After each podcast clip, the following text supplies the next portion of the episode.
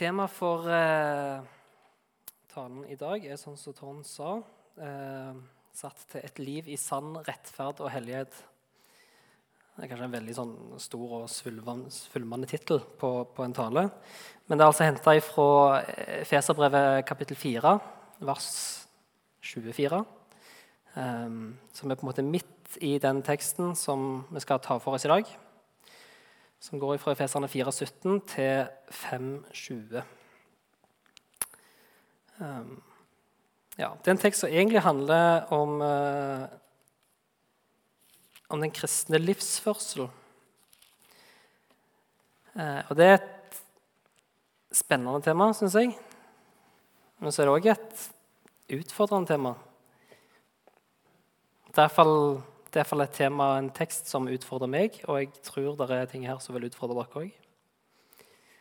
Um, og vi skal lese teksten uh, helt til slutt. Dere som var på Viken, har fått prøvd det før. Får vi se om dere andre syns det var greit. Uh, men vi skal gå gjennom, gå gjennom teksten underveis, og så leser man i sammenheng til slutt. Ja, bare hive opp en kort bønn, jeg òg. Far, jeg ber om at uh, du må åpne teksten for oss, at du må tale ved ditt ord inn i våre hjerter. Amen.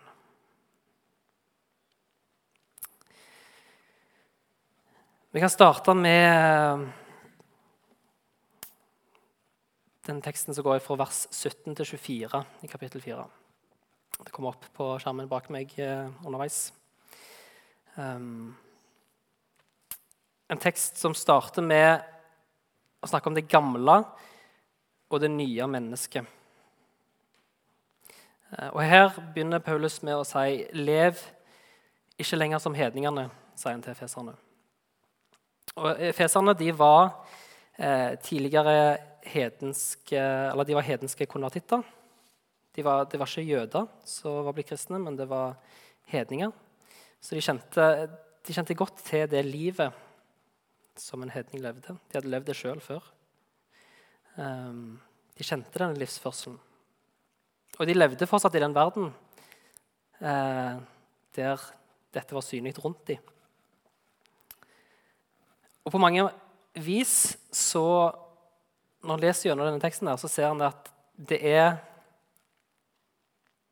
på mange vis ikke så vanskelig å trekke linje til oss i dag. Um, det var et hedensk samfunn på den tida, mens samfunnet vårt i dag er på mange måter kan en se de samme trekkene. Et veldig pluralistisk samfunn. Um, så det er en del linjer her som jeg tror er gjenkjennbart. Og Hva er det som kjennetegner dette livet? Dette livet som hedningene levde. Han trekker fram et par ting her. Deres tanker er tomhet, og deres forstand er formørka. Ordet tomhet det er også ofte et ord som er knytta direkte til, til avgudsdyrkelse, faktisk. Det å dyrke det skapte, det er ikke å dyrke skaperen. Um, og Paulus skriver noe av det samme til menigheten i Rom. Han skriver de kjente Gud, men likevel lovpriste og takka de ikke Han som Gud. Med sine tanker endte de i tomhet og deres uforstandige hjerte ble formørka. I Romane 1,21. Og de er òg fremmede for livet i Gud. Kanskje har de ikke engang brydd seg om å kjenne livet i Gud. Paul skriver det i Roman 1,28. De brydde seg ikke om å kjenne Gud. Derfor overga Gud dem til en sviktende dømmekraft, så de gjør sånn som ikke sømmer seg. Deres tanker er tomhet, deres forstand er formørka. De er fremmede for livet i Gud. Videre skriver han at deres hjerte er forherda. Og Det greske ordet her for forherda det betyr eh, hardt som stein, eller eh, som, et, som, en forkalkning i et eh, ledd som er giktbruddent. Det er altså noe, Jeg er ikke så veldig god i sånn gikt og sånne ting men det er iallfall det det skal bety. Men det er iallfall noe levende da, som, som har dødd. Det er forherda. Lovens krav er skrevet i hjertene våre, og dette vitner samvittigheten vår om. I Romerne 2,15 skriver Paulus de viser med dette at lovens krav står skrevet i hjertene deres. Om det vitner også samvittigheten deres når tankene deres anklager eller forsvarer dem. Sånn, sånn, skal det funke. Men det funker ikke sånn når hjertene er som døde. Når samvittigheten er som avsvidd. Og så har det blitt avstumpa. Som når huden har blitt nummen. De kjenner ikke, kjenner ikke smerte. Det er blitt avstumpa. Og Kjennetegnet i livet blir da et utsvevende liv. De er ureine, og de er grådige i alt de gjør. Men så skriver Paulus til feserne dere er jo ikke sånn. Fordi dere har gått i lære hos Kristus. Dere har jo hørt på han, eh, dere har fått opplæring i han.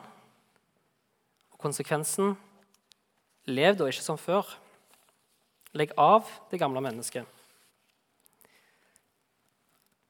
Og det er faktisk, eh, Hvis en leser Efeserbrevet parallelt med Kolosserbrevet Det er litt interessant. hvis dere har lyst til å gjøre det en gang. For det er ganske mange likhetstrekk, like ting som Paulus trekker fram. Eh, og han skriver mye det samme til kolosserne. Eh, I Kolossene 3,9 skriver han for dere har kledd av dere det gamle mennesket og dets gjerninger. En liten forskjell her. De har kledd av. Her er det en oppfordring til at efeserne skal gjøre det. Kanskje er det ikke så lenge siden de ble kristne. Det virker i hvert fall som måten han skriver på, at de har ikke kommet så langt i, i en helliggjørelse. Um, hmm. Og dette gamle mennesket blir ødelagt av de forførende lystene. Det skal vi få se seinere her i løpet av teksten, at det er noen synder som Paulus særlig trekker fram her. Mer enn andre. Ikke fordi de er mer synd enn andre. Vi skal ikke gradere synd. Men kanskje er det noe synd som er mer ødeleggende for vårt og kan være skumlere for oss i forhold til å dra oss vekk fra Gud. Det skal vi komme tilbake til. Så skriver han 'bli nye i sjel og sinn'. Bli, bli det dere allerede er. Det dere allerede har blitt ved at dere har tatt imot Jesus. Dere er et lem i Kristus Bli det. Det er på en måte litt sånn motsetning, men det henger sammen. Um, bli det dere har blitt skapt allerede i Kristus. Kle dere i det nye mennesket. I Jesu forbilde la Kristus få vinne skikkelse i dere. Det nye mennesket lever som et lem i Kristus. Det er skapt i Guds bilde. Sånn mennesket opprinnelig er skapt før syndefallet. Og det gudsfellesskapet har til dels på et vis blitt, blitt gjenoppretta ved Jesus. Og så vil det bli fullkomment når vi kommer til himmelen. For vi er ennå ikke syndfrie i denne verden. Mm. skal vi gå videre til vers 25-32 i kapittel 4. For etter den innledningen her så går han videre til dette skal du gjøre, dette skal du ikke gjøre. Litt mer sånn konkret liste eh, for efeserne. For med Kristus så begynner et nytt liv. Og dette livet er annerledes enn det hedningene lever. Her er det ikke to separate lister. sånn Ikke gjør det og det og det og det, og det, men gjør det og det og det. og det. Men han har på en måte trukket fram og tilbake. Eh, motsetninger. Ikke gjør det, men gjør heller det. Eh, utrolig dårlig forklart, men dere vil skjønne det. Det er heller de motsatser. da. F.eks. legg av løgn. Skal du gjøre istedenfor? Du skal snakke sant. Så sier han noe om at sola ikke skal gå ned over vårt sinne. Jo, selvfølgelig kan en bli sint, men en skal ikke få lov til å la det sinnet få lov til å feste seg. For hva skjer da? Da gir en djevelen rom. Og når han gir djevelen rom, når han får mulighet til å rote noe til, så kommer han til å benytte seg av den muligheten. En annen motsats, den som har stjålet, han skal ikke lenger stjele, han skal arbeide. Og han skal heller gi til de som trenger det. Han skal ikke snakke råttent, men hva skal han heller gjøre? Han skal si det som er godt. For han sier vi er merka med åndens seil. Og vi skal ikke gjøre åndens sorg i å leve et liv i masse umoral som gjør åndens sorg. Men vi skal leve et liv i sann rettferd og hellighet. Det er Gud som er den som skal lede oss. Og det betyr en ny måte for oss å omgå hverandre med. Og en siste motsetning her. En skal slutte med hardhet, hissighet, sinne, bråk. Altså det vil si egentlig bare å rope skikkelig høyt når en eh, krangler. Og all annen ondskap. Det skal en slutte med. Hva skal en heller gjøre? Nei, En skal være gode mot hverandre. En skal vise medfølelse. En skal tilgi. Og i alt dette, kapittel 5, vers 1 og 2, så skal vi ha Gud som forbilde.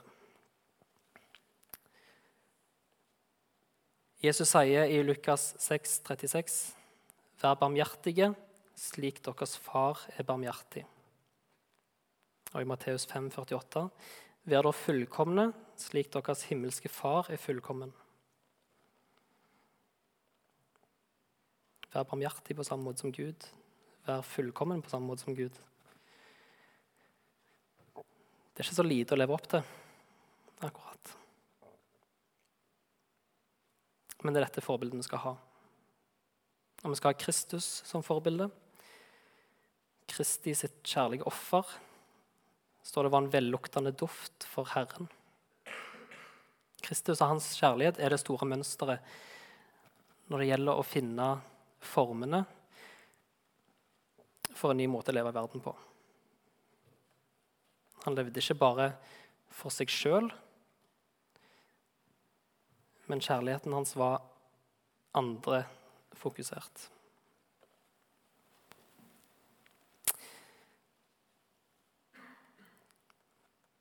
I vers 3-14 i kapittel 5 så fortsetter Paulus egentlig med å gjenta litt av det samme som han sa for litt siden. Han ble liksom ikke helt ferdig kanskje, med det han ville si. Eh, jeg vil understreke det enda tydeligere. Men han, han fokuserer her gjerne særlig på to ting. Det ene er hor, det andre er grådighet. Og vi, vi skal ikke gradere synd etter stor og liten synd. Det skal vi ikke gjøre.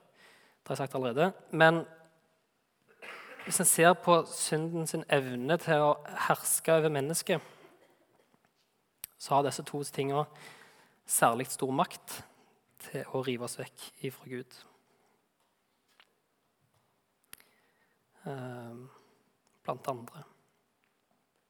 Hor, all slags urenhet og grådighet. Det skal ikke engang være snakk om det blant oss. Det skal ikke være samtaleemne engang. Det betyr ikke at en skal legge lokk på ting. En skal kalle ei spade for ei spade. Men det er ikke det som skal være tingene som opptar oss i samtaleemnene våre. Det er ikke det som skal prege det vi snakker om når vi møtes. Det sømmer seg ikke for de hellige. Fokuset vårt skal ligge en annen plass. Det skal ligge på, på takken til Gud. Og Det samme gjelder for rå ord, tåpelig tale og grovt snakk. Det er upassende. Tror ikke jeg trenger å på en måte utdype de så veldig mye. male det ut mer, For det sier seg litt i seg sjøl. Det er så utrolig mye drit som kan fylle munnen sin med. Og hva tjener det til? Det tjener ikke til noen ting. Det tjener bare til å trykke ned andre og til å føre andre til fall, til synd. Han skal heller bruke ordene sine på å takke Gud. Han skal si takk til Gud. Vi er i en tekst, en sammenheng nå der det er mye snakk om hva en skal si. Rå ord, tåpelig tale, grovt snakk. Vi skal ikke bare tenke takk da, til Gud, vi skal si takk til Gud. står det faktisk. Tenk hvis dette var fokuset i våre samtaler. At vi snakker om det vi er takknemlige for.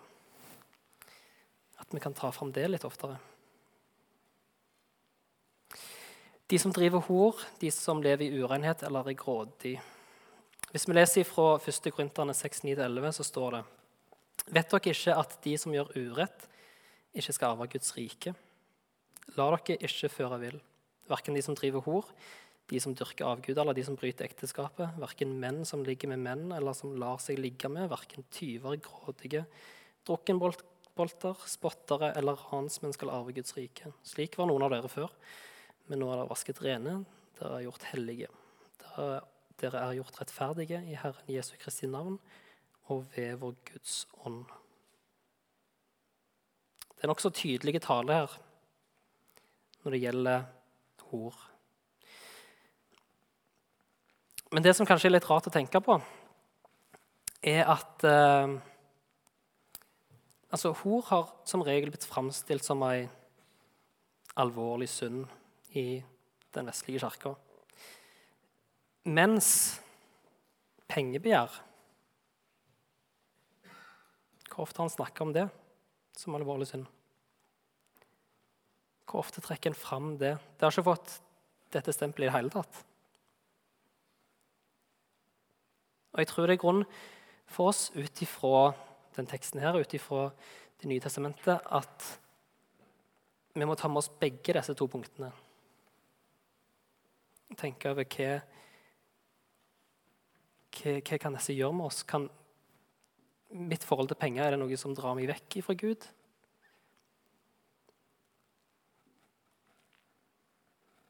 Kjærligheten til penger er roten til alt ondt, står det.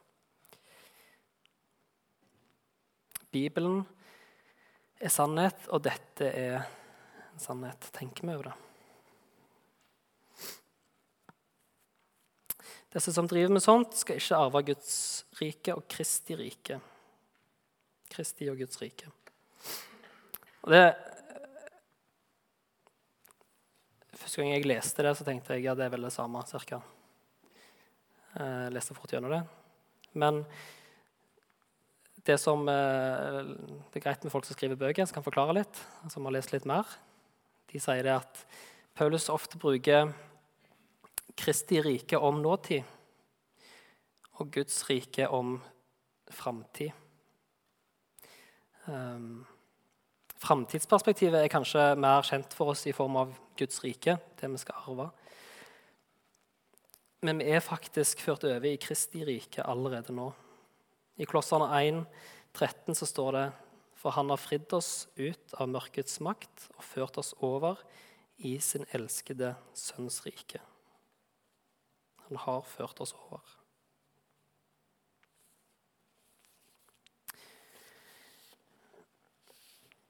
Alt sånn som er nevnt over her, det er avgudsdyrkelse. La det jordiske i dere dø. Hor, urenhet, lidenskap, ondt begjær og grådighet, som ikke er annet enn avgudsdyrkelse, står det i Klossene 3.5. Og det har vi vært innom allerede. Hvorfor skal vi kalle det avgudsdyrkelse? Jo, fordi det dyrker det skapte framfor skaperen. Og Det er et perspektiv å ta med seg, tenker jeg. La ingen narre dere, lure dere med på dette her. Eh, eller prøve å unnskylde disse handlingene. Si at det ikke er så farlig. Ikke la dere bli lurt til det. Gjør ikke felles sak med dem Ta ikke del i de samtalene eller de gjerningene. Og så skriver han det. En gang var dere sjøl mørke, mørke, men nå er dere lys. Vi alle lysets barn og dagens barn. Vi hører ikke til natta eller mørket til. Og det er noe her med at en velger enten-eller. Det går ikke an å ha sånn der en eh, mellomposisjon der en er litt sånn eh, ja, fri og frank. En er enten i mørkets rike eller i lysets rike. Uh, mm. Kan ikke være nøytral. Og derfor, hvis en ikke er i lys Dersom en ikke er lys, så er en mørke. Og dette lyset det, det er viktig å si, det er ikke en egenskap i oss, det er ikke en evne vi har eh, å være lys, men Kristus som verdenslys. Og når vi er hans lemmer, så er vi òg hans lys. Og da kan vi vandre som lysets barn. Vi skal vandre, vi skal leve som lysets barn, står det. Å være lys og det å være lysets barn det er ikke bare en sånn ting på CV-en. Men det er noe som får veldig praktiske konsekvenser for oss. Å være lysets barn er knytta til livsførsel. Lev da som lysets barn. Og Paulus tar jo utgangspunkt her i den gaven, altså det som Jesus har gitt oss. Dette handler ikke om at vi skal ha en sånn voldsomt stor moralsk eh, vårrengjøring som vi allerede må ha gjort, og som gjør oss fortjent til å kalle oss kristne. Det er ikke det det handler om. Rekkefølgen er motsatt. Fordi Kristus har gjort oss til lys, så skal vi òg oppføre oss som lysets barn. Vi skal bære lysets frukt. Og som lysets barn så kan vi bedømme Vi kan se hva vår Herre forventer av oss. Kjærligheten til Kristus er den nye drivkraften. Ikke alt det som samfunnet setter fram som drivkraft. Dette gjelder både når det, når det kommer til å forstå hva som er rett, men en skal ikke bare forstå, en skal òg gjøre det som er rett. Prøv det, hva som er til glede for Herren. Som etterfølger vil vi ha et naturlig ønske om å gjøre det som gleder Gud. Ikke bare vite hva som gleder Gud. Ta ikke del i mørkets gjerninger, men avslør de heller. For når gjerningene blir avslørt, så mister de sin kraft. Hvis Jesu lys får skinne over noe, så virker lyset på mørket. Det blir gjennomtrengt av lyset. Så avslør heller disse gjerningene, heller enn å ta del i dem.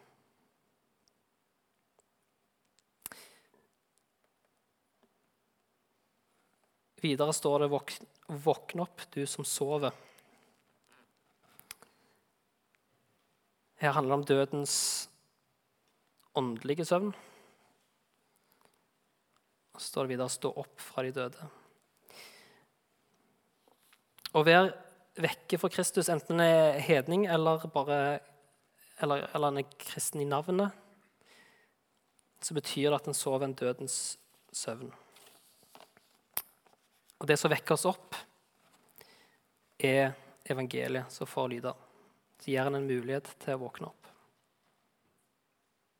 Og vekkelse betyr å få se Få øye på Kristus som det sanne lys som opplyser hvert menneske. Til slutt, siste bolk, fra vers 15 til 20 i kapittel 5. Eh, det blir på en måte en slags konklusjon av det vi har vært igjennom, samtidig som man Paulus fører inn eh, et eh, veldig sentralt og viktig punkt. Eh, en oppfordring til å bli fulgt av Ånden. Han oppsummerer pass derfor nøye på hvordan dere lever. Og dette er, det er en liten minoritet med kristne i denne byen. Så det er synlig for byen hvordan disse kristne lever. Og evangeliets rykte henger sammen med deres livsførsel. Det tror jeg gjelder for oss òg i dag. Det inntrykket våre studiekamerater og kollegaer og ikke-kristne venner får av kristendom. De får det mye via hvordan vi kristne lever livet. Vi var innom dette i Filippabrevet på Viken, i Filippane 2, 15-16, der han sier dere stråler blant de som stjerner på nattehimmelen når dere holder fast på livets ord. En er lys, og det er like synlig som stjernene på nattehimmelen. Og så oppfordrer han til å bruke den dyrebare tida godt. De var veldig orientert mot Jesu gjenkomst.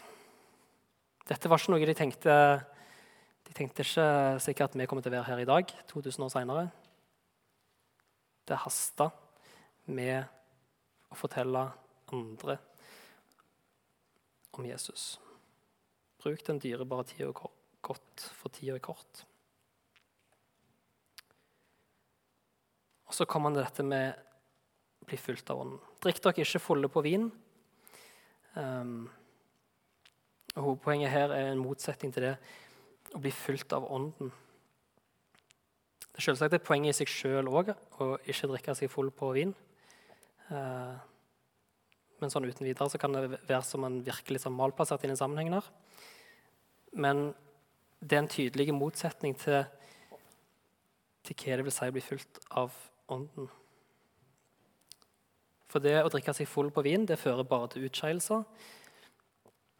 Og Ordet der for utskeielser det er det samme som en finner i, i lignelsen om den bortkomne sønnen, som levde et vilt liv. Det er de utskeielsene. En skal heller bli fylt av Ånden. Og hvordan det enn skjer, så er det å bli fylt av Ånden noe som vil gi en farge, en, en glede, i hverdagen. Eh, det, det, er noe som vil få utløp, som en rus, kan en kanskje si.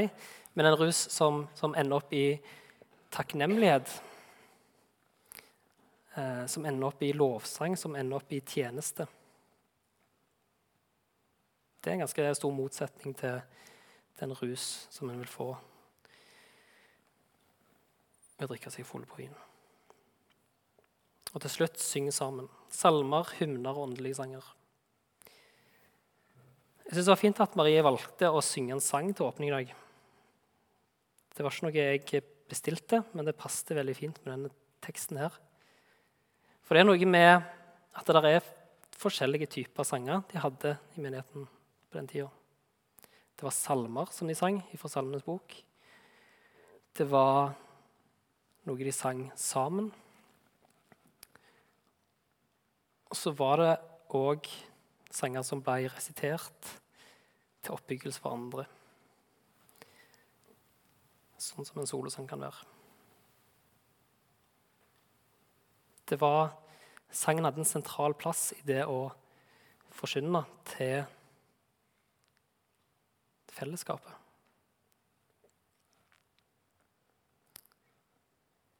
Og syng og spill av hjertet. En kan gjøre det av vane òg. Men hvis Ånden får fylle oss, så blir det noe mer. Som Kristine var litt innom. Det blir noe mer enn å bare synge det som er på veggen. Men det blir noe som Ånden bruker til å tale til oss. Noe som kommer til å synge og spille hjertet, som det står her. Og dette å synge og spille av hjertet, det står i en kontekst etterpå der til å takke Gud. Syng og spill av hjertet for Herren. Takk alltid vår Gud og Far for alt. Det Samme ser vi i Kolossene 3, 16-17. La Kristi ord få rikelig rom hos dere. Undervis og rettled hverandre med all visdom. Syng salmer, viser, åndelige sanger til Gud av et takknemlig hjerte. Og la alt dere sier og gjør, skje i Herren Jesu navn, med takk til Gud, vår Far, ved ham.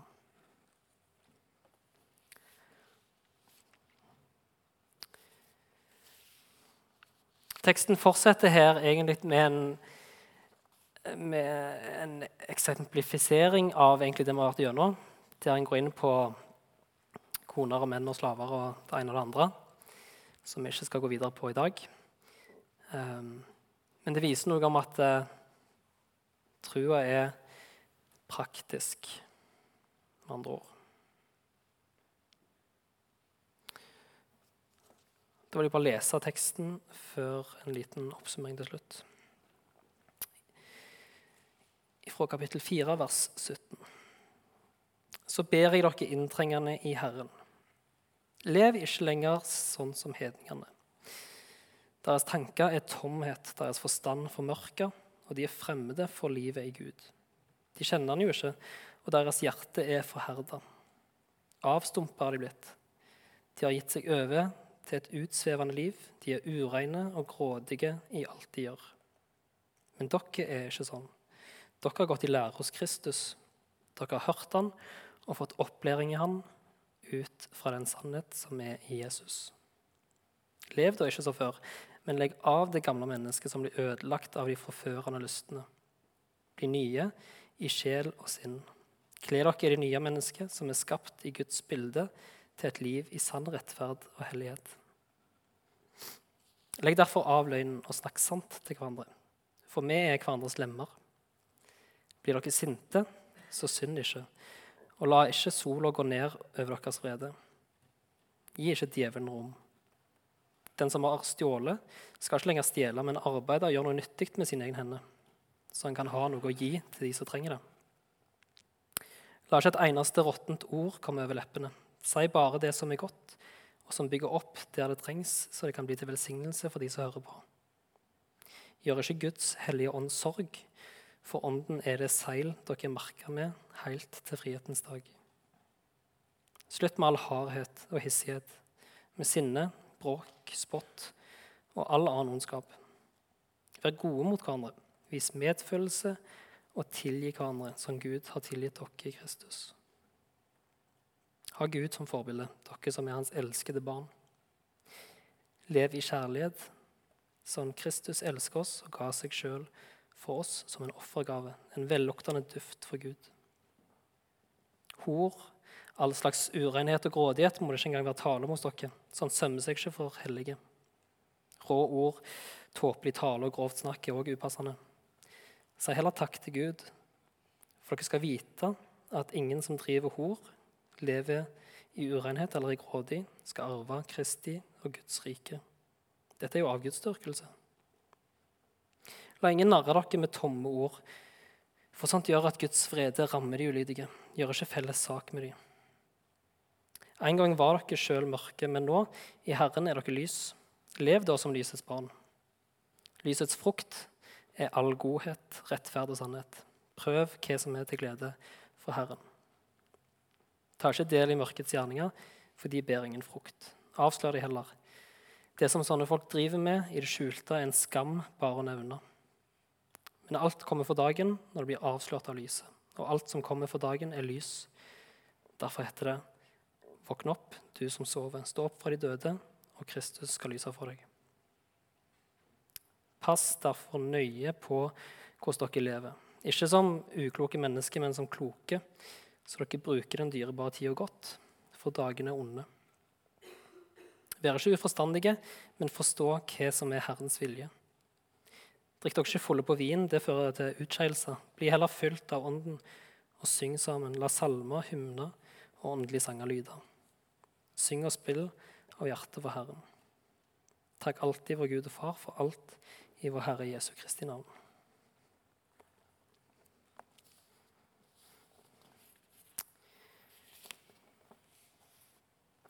Det er utfordrende når det blir pirka i vår livsførsel. For jeg tror det er ting her som vi kan kjenne oss igjen i. Og er det nåde og tilgivelse for disse tingene? Ja, det er det. Men betyr det at en bare kan fortsette å synde, sånn at nåden blir enda større? Nei. En skal vende seg vekk ifra det gamle livet og bli det en har blitt allerede i Kristus. Det betyr ikke at en er perfekt og syndfri, men det handler om at en vender seg vekk fra det gamle livet, bekjenner sin synd og legger det fram for Gud. At en vender seg til det nye livet som en er skapt på ny til. Og Paulus han sier noe i Romane 7 om eh, hvor lett han syns det er. Jeg skal lese vers, i Romane 7 fra vers 14. Vi vet at loven er av ånden, mens jeg er av kjøtt og blod, solgt som slave til synda. For jeg forstår ikke hva jeg sjøl gjør.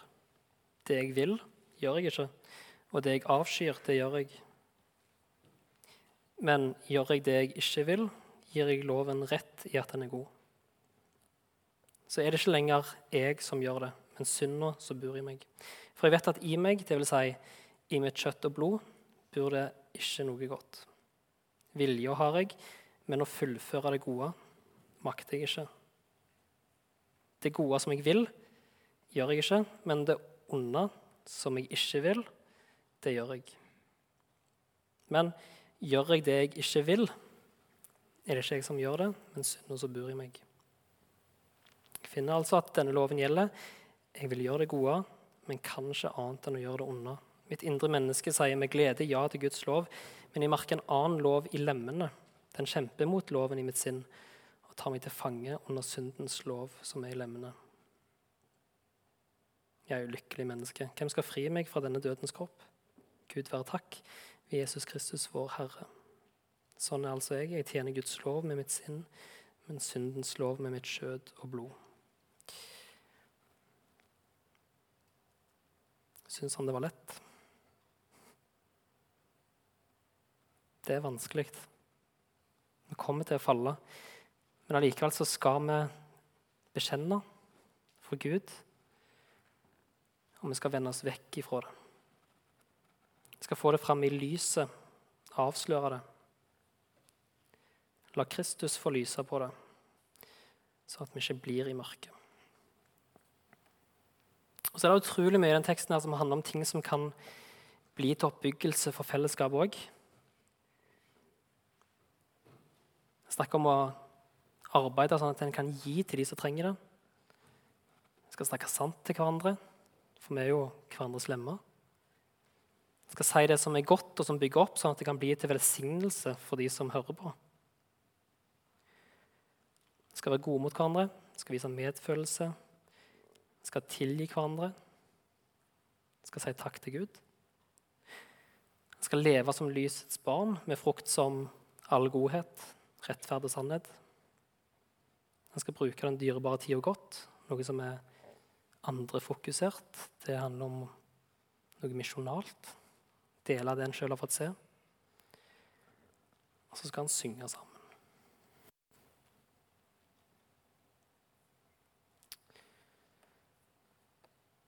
Kjære far, takk for Takk for den teksten vi har fått lese sammen nå. Takk deg for at ditt ord er levende og virkekraftig. Jeg ber om at eh, du må bruke ditt ord og tale inn i våre liv.